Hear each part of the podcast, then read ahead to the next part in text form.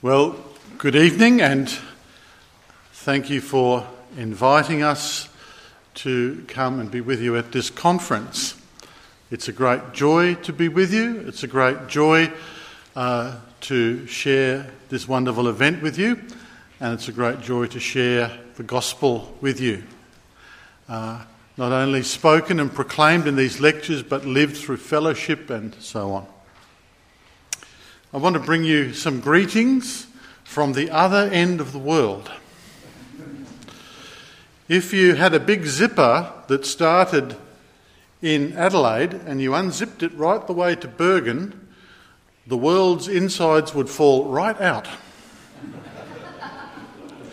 it's a big distance and it took us uh, a long time to come here. It was an adventure in itself just to get here and it's a wonderful time uh, we're having with you here. Uh, greetings from the Lutheran Church of Australia and its Bishop, uh, Pastor John Henderson. Greetings also from Australian Lutheran College, which is the seminary of our church, and from the faculty and students of our college. I am one of the faculty at ALC, Australian Lutheran College, and there I teach pastoral care, Lutheran confessions, liturgics, and preaching, homiletics. And so um, uh, I have quite a, a, variety of things that I'm involved with there. I also serve in our church as the uh, chairman of the uh, Commission for Theology, uh, which is a, a, very active commission that does important work in the church. So you can see I'm very glad to get away from all that and, and to have a holiday uh, in Scandinavia. And it's only just a little bit of work I have to do here, and it's a delight to be here and, and to share with you.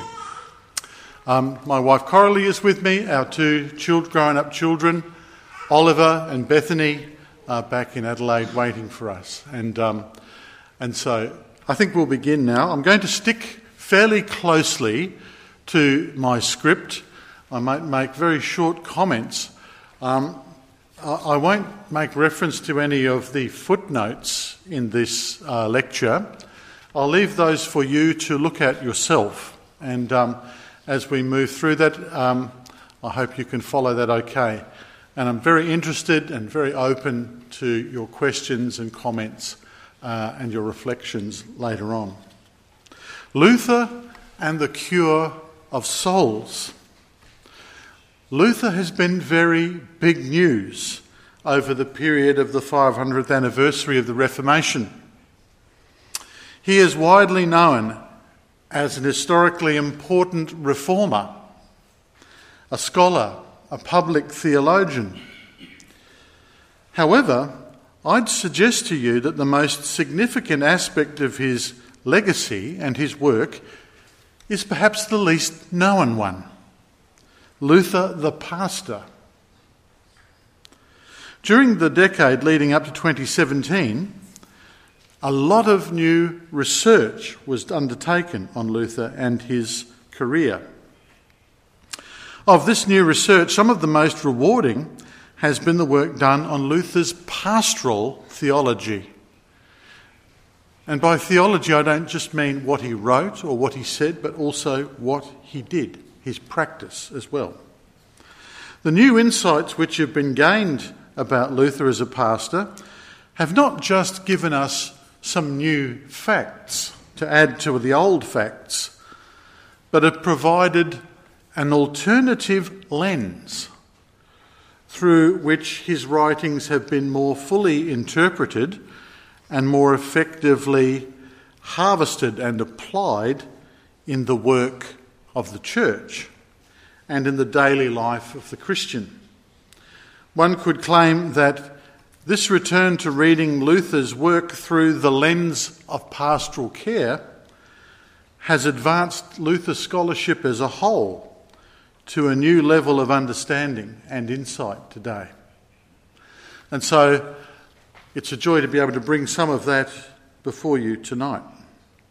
It's often observed that Luther's theology is not a conventional, systematic unfolding of Christian doctrine using a logical philosophical method, though he happily borrows other people's philosophical structures and methods that were around in his own day. His own method or his way of doing things, that is the unifying and driving priority that integrates his whole theology, was to bring the comfort of the gospel to the troubled and fearful heart and conscience. That's Luther's systematic, that's Luther's method. Theology for Luther was not an intellectual system, but a pastoral art. Theology serves the salvation and care of souls. And any theological efforts which do not have pastoral ends in mind can't properly be called theology.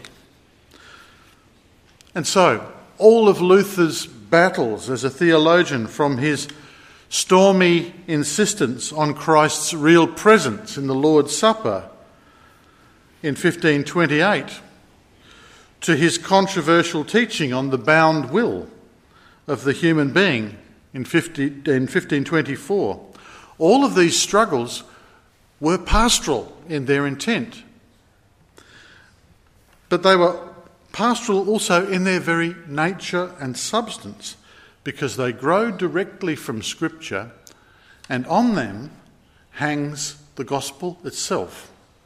Why did Luther have these battles? For the cure of souls. That's why. This renewed pastoral focus on Luther's work has been especially enlightening to those who are seeking biblically authentic and effective ways to comfort and encourage Christians who find themselves struggling with forms of mental illness like anxiety and depression. These things which are now becoming a scourge and a plague throughout the world. But beyond this, Luther's theology speaks deeply to the grieving to the lonely, to the dying, to the conscience stricken, to the ashamed, to victims of abuse, injustice, and evil, indeed to everyone who finds themselves damaged and wounded in fallen creation. The Luther myth. One's right to be suspicious when you read a heading like that because so often it signals that you are about to encounter some material that claims to demythologize, that is, to unmask some figure in church history, or worse still, to unmask some Christian teaching or spirituality as doubtful or unreliable. But I reassure you, I have no such fool's errand in mind. By dismantling the phenomena of a figure like Luther, one does not come closer to him or to understanding him. All that happens is that a complex whole is reduced to a pile of parts. No, Luther can only be understood if we take his theological legacy as a functioning whole. The man was what he was. Yet we must also realise that this recent Luther research is showing us a more complete and rounded picture of this complex and fascinating legacy of Luther. Through the centuries, Luther has often been immortalised in statuary all over Europe as a man of fortress like physique, as we say in Australia, built like a tank, with an unshakable and heroic faith to match. This image of Luther, which is still very much alive, is an expression of one aspect of the individual. It portrays what he means to Christians all over the world, the meaning of his ministry and his teaching and it should, I believe, be honoured and not in any way brought down or ridiculed. However, from another angle, we see some different features of this whole. A whole different side of a complex person. Because Luther was not such a robust man, he was not indestructible. He was not physically, emotionally, or mentally, or spiritually all that strong, nor did he ever pretend that he was. In 1527, in the midst of a major mental and physical breakdown, he wrote to his friend Philip Melanchthon, and he said this For the last week I have been cast into death and hell. My whole body was bruised, so bruised that I trembled in all my members. I had almost lost Christ and was thrown into the billows and buffeted by storms of despair, so that I was tempted to blaspheme against God. That's Luther. One of the things that still attracts people to Luther today is that great strength and great fragility live together in him at the same time showing us that the power of weakness and suffering is very important. It's that weakness uh, that we have that becomes strong when it is embraced by faith. Christ's strength is made perfect in weakness. In many ways, Luther lived on the edge. For much of his adult life, he was dogged by illness, depression, and spiritual Anfechtungen, struggles. For most of his life following 1521, he was an outlaw in the Holy Roman Empire, subject to arrest and death should he be de- detained in unfriendly territory. And this burdened him greatly at times. He often felt close to death and indeed at certain moments longed to die. He imagines how he will die and he describes it somewhat melodramatically, I have to say, quite a lot in his table talk. Luther lived each day of his life trusting in God to sustain and protect him in all that he had to do. He did not see himself as a strong, stalwart Christian who could help others because he himself was so uh, mature or so assured. No, he lived from hand to mouth with Christ. This poverty drove him to cry out to God and to cling desperately to the feet of Christ. He often confesses in his pastoral letters to the suffering that despair and doubt brought him at times close to madness and the grave. Luther is no myth but a man. A man of faith and very much a man of flesh. Well, why do I tell you all this? Why begin with this? Because here, I believe, is the essential starting point for studying Luther's cure of souls. Because we see what the cure of Luther's own soul was. He was a beggar with nothing to give, just as you and I are beggars. On the other hand, we are all beggars who belong to Christ, who is rich and who gives us everything from the fullness of his great mercy. Luther spoke and wrote from the jaws of the whale, we say. if you think of the book of Jonah, you know, there's those two times where Jonah is in the jaws of the whale. Once when he's about to be swallowed, and the other time when the whale spit him up again. That's where we are, in the jaws of the whale. And we all live there.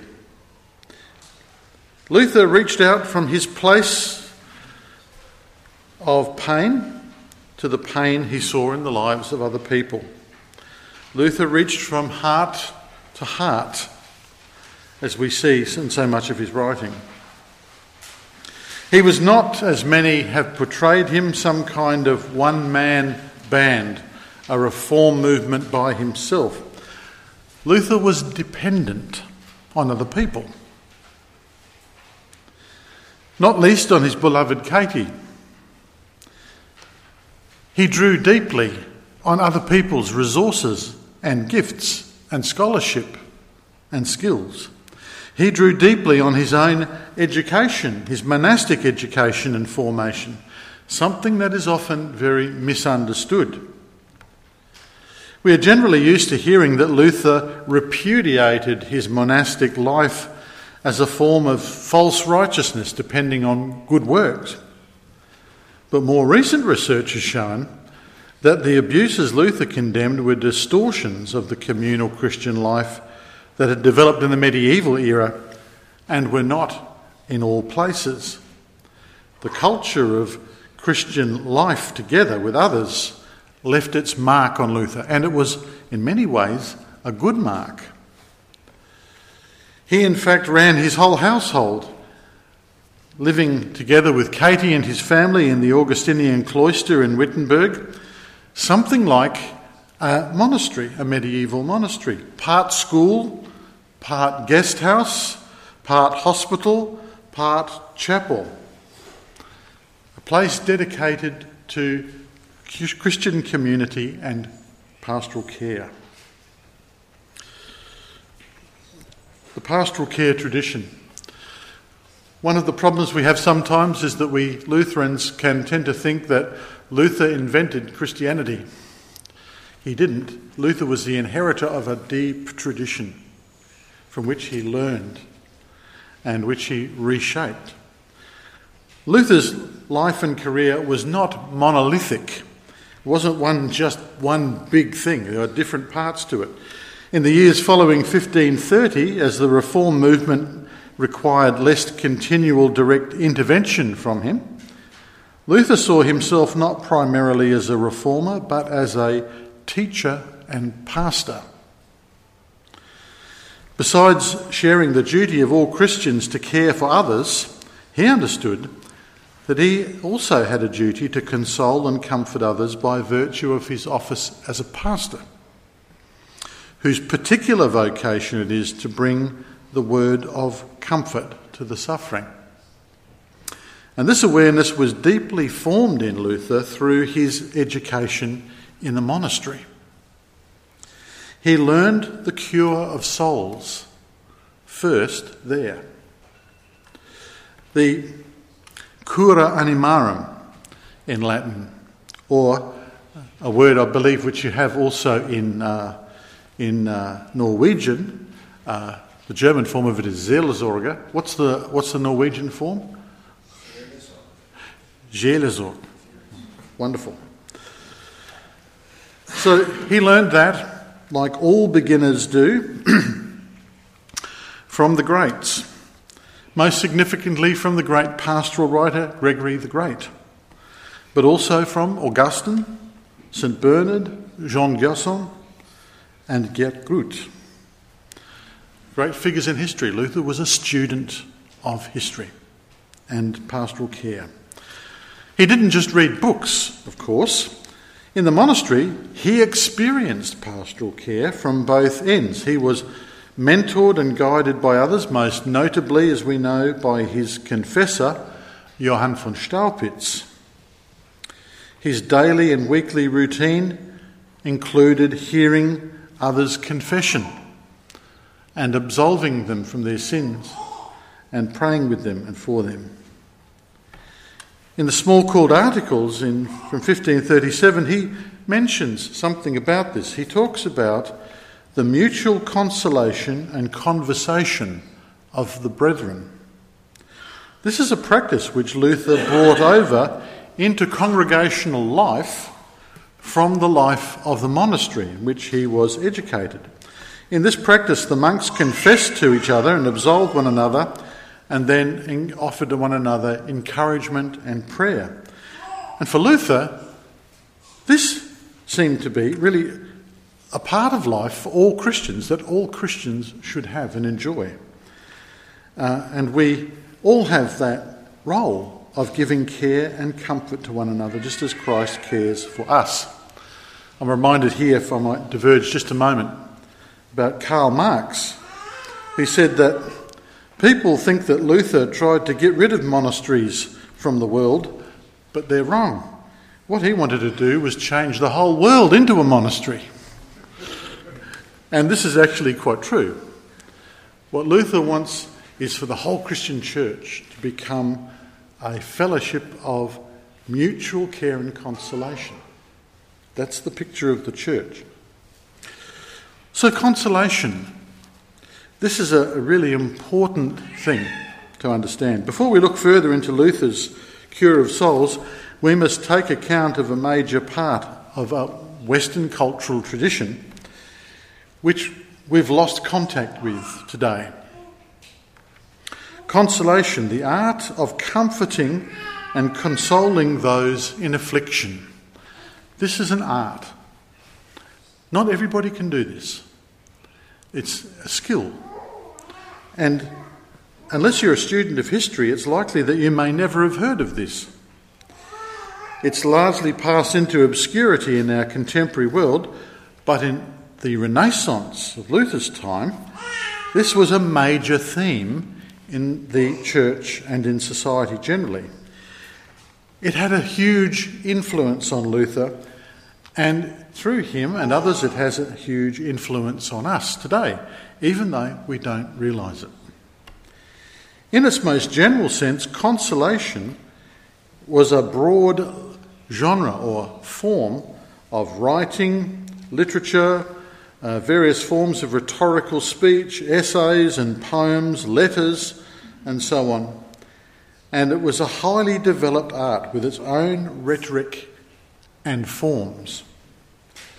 The goal was to strengthen and lift up people in suffering, not by sympathetic outpourings of emotion, as we might expect today, but by comforting arguments or rationalizations. Typically, these comforts went along the lines of Stoic philosophy. Somebody said to me the other day that, that the Norwegians are very stoic. Uh, I'm not sure if that's a fair assessment, but um, stoic means that you, that you bear your suffering with broad shoulders, quietly. Well, this is what this classical tradition of consolation was about. People, if they were going to console you, they said things like, uh, Well, you know, uh, you have lost a loved one, you are suffering grief, but you know, death must come to all people, whether they're young or old, we're all going to die. So to accept living is also then to accept dying. Everybody has their time. This kind of consolation genre, with its forms and its conventions, was readily taken over into Christian literature and life of the early church generally. It influenced pastoral care and it also influenced St. Paul's own writing in his epistles in the earliest times of the church. And it's clear that we uh, have, for example, in the book of Philippians, an example of a consolatory letter. Luther, much later in the Renaissance, was also strongly influenced by this consolation tradition, but he also changed it. Sidelining its Stoic philosophy and arguments and philosophy about reasoning people into feeling better, he placed something different at the centre of his consolation people who were suffering the teaching of justification by grace through faith in Christ. That's the real consolation, that's the real comfort. He does not give human rationalizations of suffering, cheering people up by helping them make the best of things for themselves. Rather, he places Christ and his work at the centre showing that even in the midst of life's anguish, in Christ, who is ours, we have all things. In 1531, he wrote to the newly widowed and deposed Queen of Hungary, Queen Maria. He says, What does it matter if body and life, father and mother, brothers, kingdom, crown, honour, wealth, and anything one could mention should pass away? For if God's grace remains ours, then God is our Father, His Son is our brother, and heaven and His creation are our inheritance, and all the angels and saints are our brothers, cousins, and sisters. So if we lose everything we have, after all, we have lost less than half a penny's worth. And even if we had no kingdom, heaven or earth, we still have God Himself and eternal life. Moreover, and here Luther gives us a valuable and important teaching for our lives today. Luther wanted to hand on this tradition of consolation by lifting up the vocation of all Christians of all classes and kinds to comfort others as the command of Christ related directly to his work. Love one another as I have loved you. Serve one another as I have served you. This calling or duty of comfort is shared by all of us, all of us Christians, lay or ordained, and it is part of loving and suffering with one another as neighbours, as Paul teaches in Romans 12 and 2 Corinthians 2. Luther modelled this himself and taught his colleagues and students to do the same. And we see this particularly in his letters. Um, at the back of the book, which um, was shown to you earlier, you can see 21 examples of these wonderful letters of comfort to people. Luther's rhetoric of the heart. Luther's tools were words. He was good at using language. Not only was he talented himself, but he had also been taught by the best.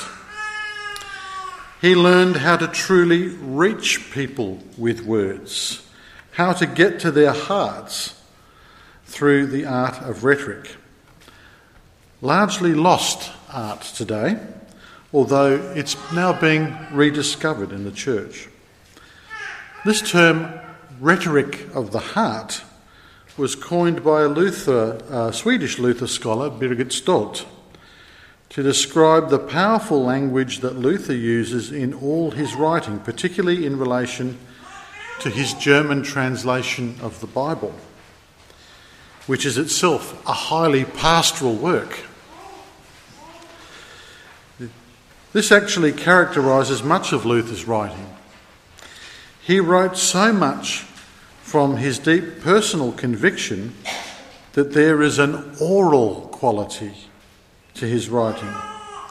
He is present in his writing, and we, his readers, hear him speaking directly to us.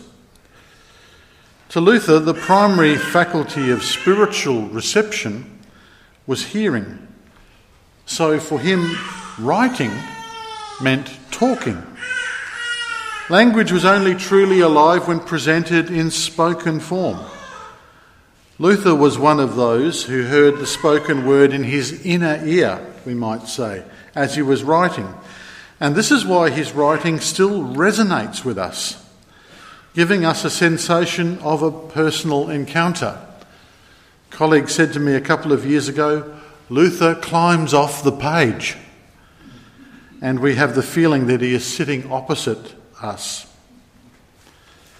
Despite the 500 year gap, uh, today's reader can still hear Luther's voice and hear his impact. This is the skillful use of language. Luther's imaginative use of language creates in the reader vivid impressions and images. It's memorable, it stays with you. And this ageless language of lived human experience communicates powerfully to the heart. That is to the core of the whole person, encompassing everything mind, will, conscience, imagination, emotions. Now, this next section, there's a repeated um, part, and if this next paragraph, for those who are following along, we're going to pick it up at the begin- end of the third line. It is really quite astounding that as we read Luther today, we may receive and respond to his words at this cognitive effective level. And this shows us the power of language as a tool in pastoral care when it is used with skill and wisdom. It's often said that Luther was, a conven- was not a conventionally systematic writer, as we noted before. He has sometimes been described as an artist or a prophet who responded theologically and experientially to the situation that confronted him. His speech was always calculated for effect, to speak a living word into the present moment. In his letters, one gets the feeling that at the moment of writing, there is no one else in the world for Luther but the person to whom he is opening his mind and heart in that letter. You must deal with the person God places in front of you in pastoral care. And um, that's a very important lesson. You are, at that time, called by God to get involved with this person as Christ Himself is involved with that person. The cure of souls and the Word. Luther's pastoral writing consistently draws its content from Scripture, making extensive use of biblical quotations, allusions, and references. Even when Luther is comforting his readers using his own words, they frequently resound with the cadences of Scripture. He pulls biblical verses apart and puts them back together again in a slightly different order. And then, as you see that, you notice that almost Everything he said is lifted straight from the Word of God. The thing that is striking about Luther's use of Scripture is the wide breadth of biblical material that he covers, from the Old Testament and the New Testament, Proverbs, Ecclesiastes, the Gospels, and much more. The Psalms, most of all. This is only possible, of course, for a pastoral carer who knows the richness of Scripture from their own reading and study.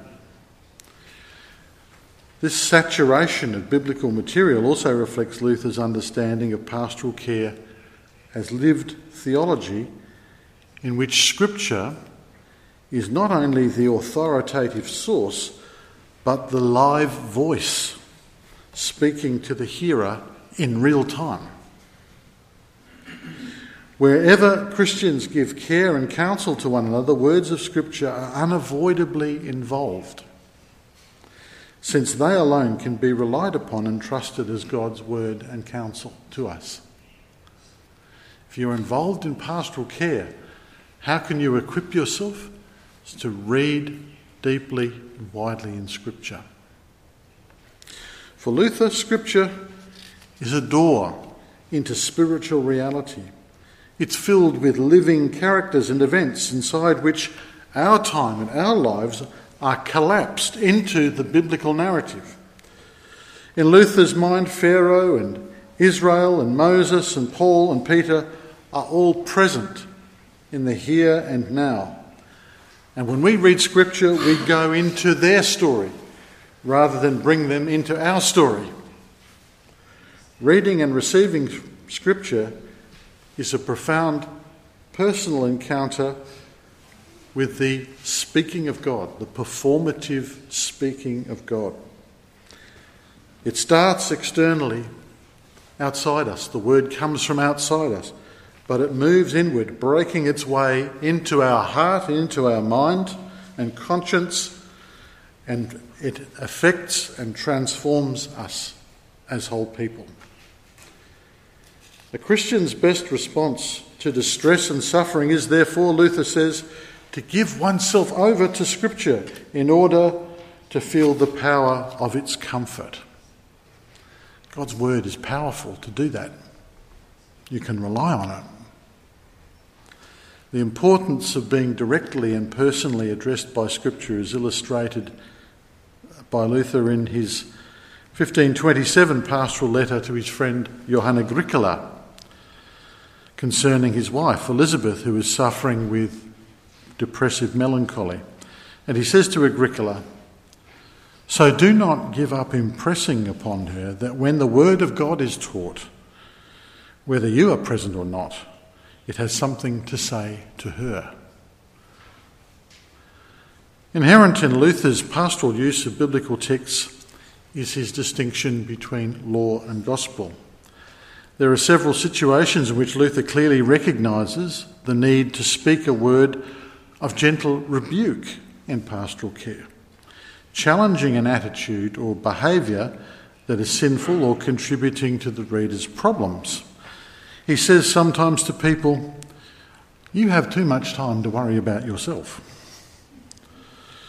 Christian consolation is not to be confused with today's tendency to treat the sufferer simply as an oppressed victim of an evil fate or a heartless institution. Perhaps most striking of all is Luther's way of drawing his readers into an experience of the word of Scripture via imagination and visualization. The most outstanding example of this is in his letter in 1544 to the elderly, ailing, and depressed George Spalatin, another friend of his, in which he refers to the story of Peter and the crippled beggar in the temple in Acts chapter 3. In appealing to this old colleague, to accept Christian comfort and help, Luther invites Spalatin to visualize Luther as Peter, holding out his hand and saying, In the name of Jesus Christ, rise up and walk. This is typical of Luther's love for setting forth God's word as a concrete bodily event. God's word does things. In the speaking of it, it accomplishes what God intends. It involves not only the mind, but also the emotions, the imagination, and even physical touch and healing. Luther's view of suffering. Central to Luther's cure of souls is his view of suffering and the human will. And as we take this up, we enter into perhaps less charming territory. Jan referred to this in his um, uh, talk tonight as well. But we have to go there, to this difficult place. Many are shocked by this dimension of Luther's theology. It's controversial today, even confronting. Some people find Luther's teaching here hard to reconcile with Christian care and comfort since it's radically different to the highly optimistic humanist approaches taken today. Luther swims, though, precisely in the opposite direction to the tide of our culture. Or to put it like he would put it, uh, his view attracts the hostility of human reason which eventually always wants to set itself up as God against God. The depth at which Luther's theology of suffering challenges the assumptions of our culture today is not to be underestimated. I must disclose at this point that I too struggled greatly with Luther's theology here when I understood what he was really saying. And I have since come to recognise that one cannot really gain an appreciation or acceptance of that theology apart from going through the struggle of it.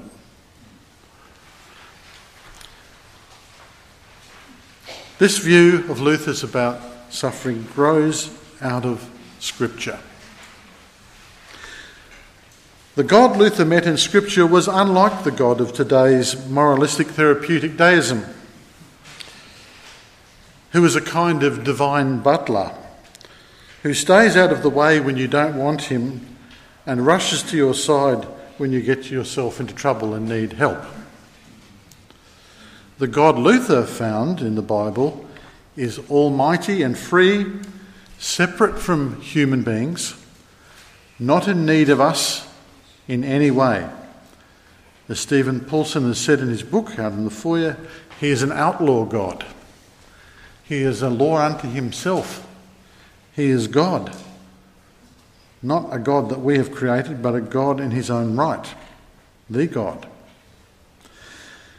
He defies our corrupt definitions of goodness and justice, both in his commands and in his mercy.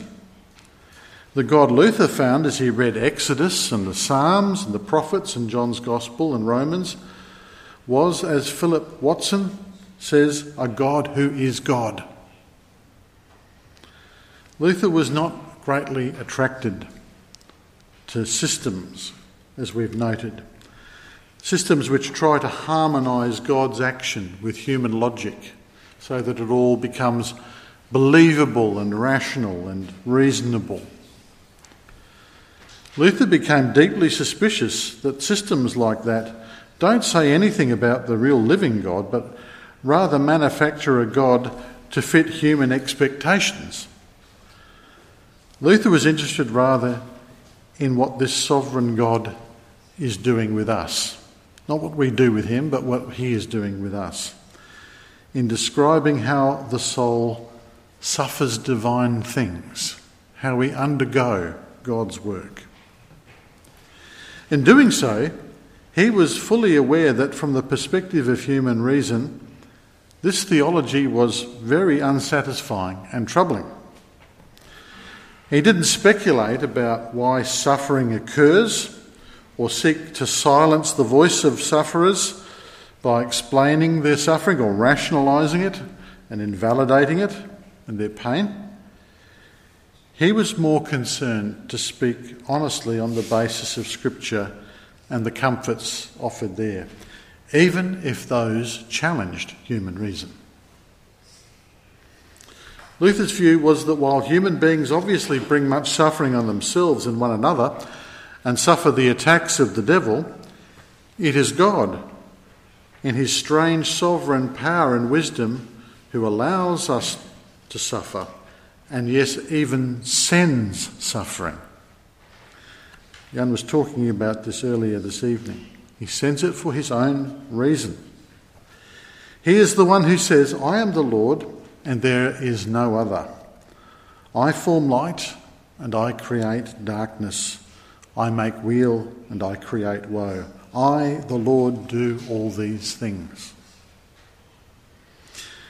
The experience of suffering in life which Luther knew firsthand from his own experience, often leaves people with a dark, disturbing sense of God being hidden. The soul finds itself left in the dark, confused and alone. We do not and we cannot understand this hidden and mysterious work of God.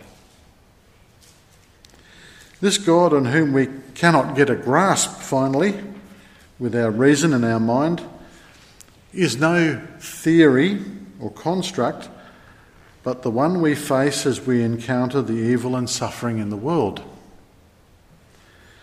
Nor can we see past this suffering to some kind of silver lining in the cloud. For just when we think suffering and evil has reached the highest point it can, its zenith, it gets even more horrific. This is the world we live in. Luther more than once comments, rather disturbingly, that we experience God as the devil. That's a deep thought. Luther saw more and more clearly as he studied Scripture and as he meditated on life that human beings suffer so much because we have a bound will. We are by nature that old man, that old uh, corrupt man, uh, is in rebellion against God. Even perhaps, especially when we think we might be cooperating with God, we're actually rebelling against Him. By ourselves, we do nothing but willfully turn away from God and choose sin and evil. That's the old man we heard about tonight. God must therefore deal with us subversively in a different way, working through what is opposite to our will, using those tools Jan mentioned tonight, those difficulties, those roadblocks and barriers that we experience in life. This is why he revealed his deepest resolve to save and comfort us through the most horrific of all suffering events in history the violent death of his own beloved and eternal Son. This is at the core of everything in Luther's pastoral care. This is God the Father's most golden art as Luther says in this table talk from 1535. I'm going to read this. The greatest miracle that has ever occurred on earth is that the Son of God died such a shameful death on the cross. It seems a miracle to us that the Father should say to his only begotten Son, who is truly in nature God, Go down let yourself be slain and executed on the gallows of the cross. Now, one should not compare divinity with mere humanity, yet I reckon that it is only reasonable to think that the eternal Father's love for his only begotten Son is incomparably greater than Abraham's love for his Isaac. For he is the only beloved Son, of whom the Father testifies from heaven, This is my beloved Son, with whom I am well pleased. And yet, he was so wretchedly discarded as to become a worm and not a man, a laughing stock to others, and a thing despised to all the people.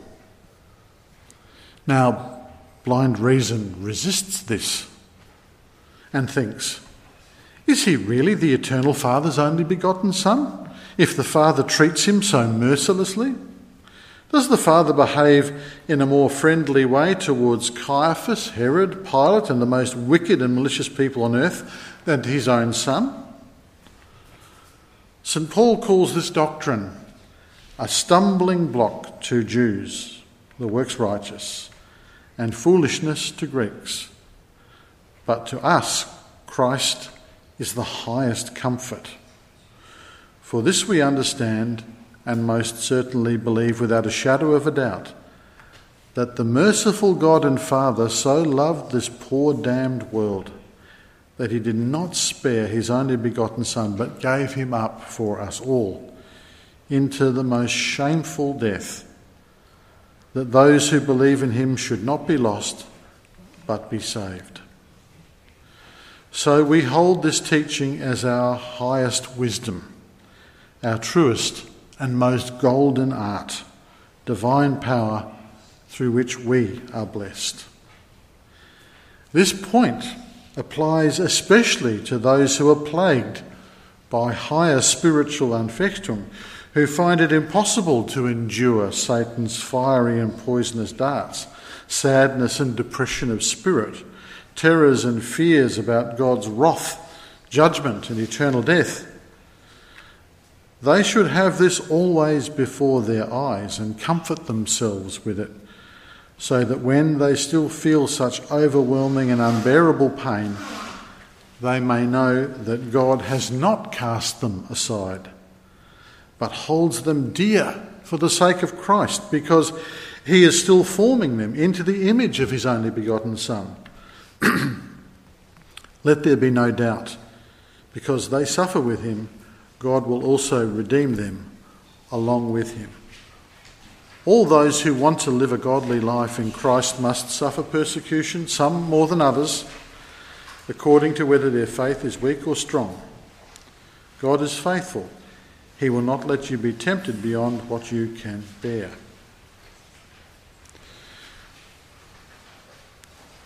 God in Christ is actually decisively, acting decisively to bring a final end to suffering through his Son Jesus Christ. He is at work in the world, he's at work in each one of us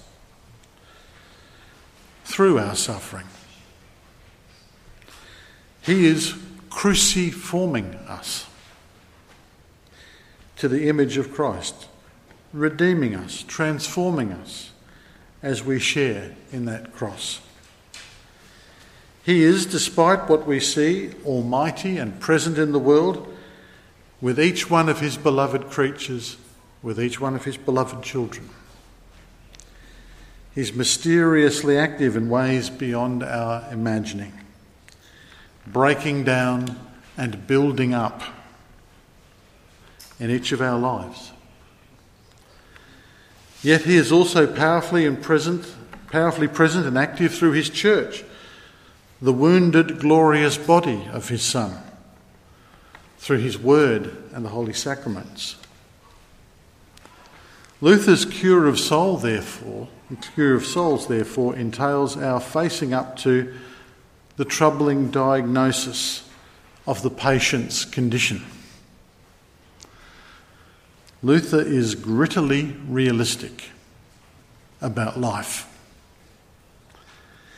He does not try and mask the fact that suffering of this life is, re- is uh, real and sometimes horrific and that we, with our limited human powers, have no hope of making sense of that suffering. We can't manage it, we can't take it away. Sometimes we can't even relieve it very much. In the presence of this God, we feel truly weak and powerless. The words of the psalmist sound very real. Deep calls to deep in the roar of your crushing waters. All your waves and breakers have swept over me. Yet, this theology is wonderfully hopeful and profoundly pastoral. It shows us the reality of our redemption, our salvation, as a mysterious gift. A gift that we cannot earn or merit in any way, a gift which comes to us in the midst of everything that goes on in life, wrapped in paradox. It reveals the eschatological good of our suffering, which now remains hidden from us here in this life, apart from Christ and the cross. It rejects contemporary spirituality's reduction of God to a tame lion or a domesticated deity. It leads us to the very epicenter, the very middle of God's self disclosure, the weakness and suffering of the cross, which is at work in us. According to Luther's view, the cure of souls is not merely to treat or to educate or coach or palliate or calm people as they suffer. While we may use counselling skills and the insights of psychology to help us in our work, pastors and pastoral carers are not therapists, and we have very different goals to theirs. We are here to address the soul with the Word of God, the word of wrath and mercy, the word of Him who wounds but the word of Him also who binds up, who saves. The word of the cross. Luther's theology throws the pastor and the pastoral carer out into the cultural borderlands to take the risk of speaking the word of the cross to the suffering. To dare to speak the consolation we ourselves have received from God in Christ. We are called to proclaim the offence of the cross as the highest and wisest comfort, the most golden art. Thanks be to God.